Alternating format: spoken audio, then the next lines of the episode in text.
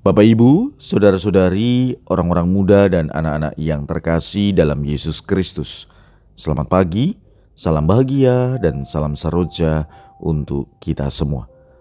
Berkah dalam.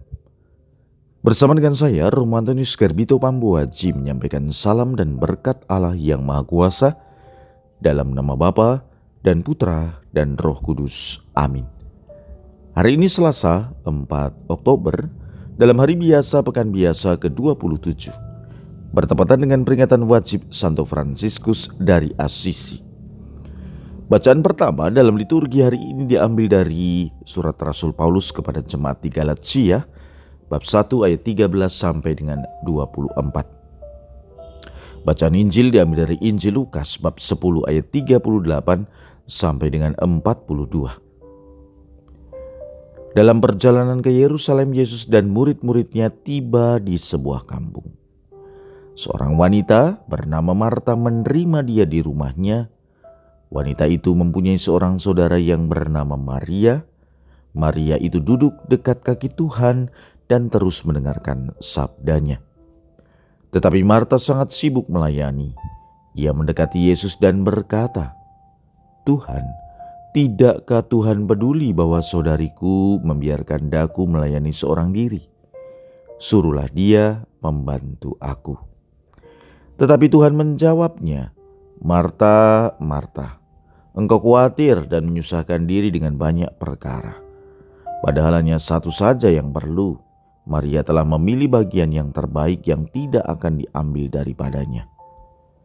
Demikianlah sabda Tuhan, terpujilah Kristus.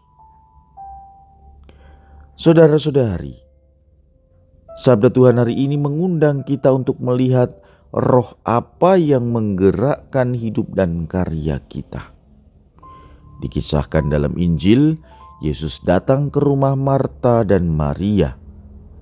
Sementara Maria memilih duduk dekat kaki Yesus dan mendengarkan sabdanya, Marta sebagai tuan rumah memilih untuk pergi ke dapur mempersiapkan sesuatu untuk dihidangkan bagi Yesus dan para rombongan. Motivasinya jelas. Awalnya Marta melakukan itu untuk memberikan pelayanan yang terbaik bagi sang guru.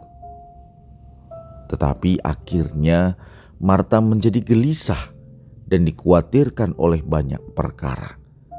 Takut-takut nanti makanannya tidak enak. Takut-takut nanti makanannya telat dihidangkan dan lain sebagainya. Yesus menganggap Maria mengatakan bahwa Maria telah memilih yang terbaik. Sedangkan Marta menganggap bahwa Maria saudaranya tidak berbuat apa-apa. Tindakan Marta tidak dipuji, namun juga tidak dicela. Yesus menantang Marta untuk meninjau kembali apa yang harus diutamakan. Marta diingatkan bahwa tanpa keterikatan pada Yesus, apa pun yang ia lakukan bukan sebuah ungkapan kasih. Saudara-saudari, maka jelas setiap karya pekerjaan yang kita lakukan bukan semata-mata sebuah profesi, tetapi panggilan.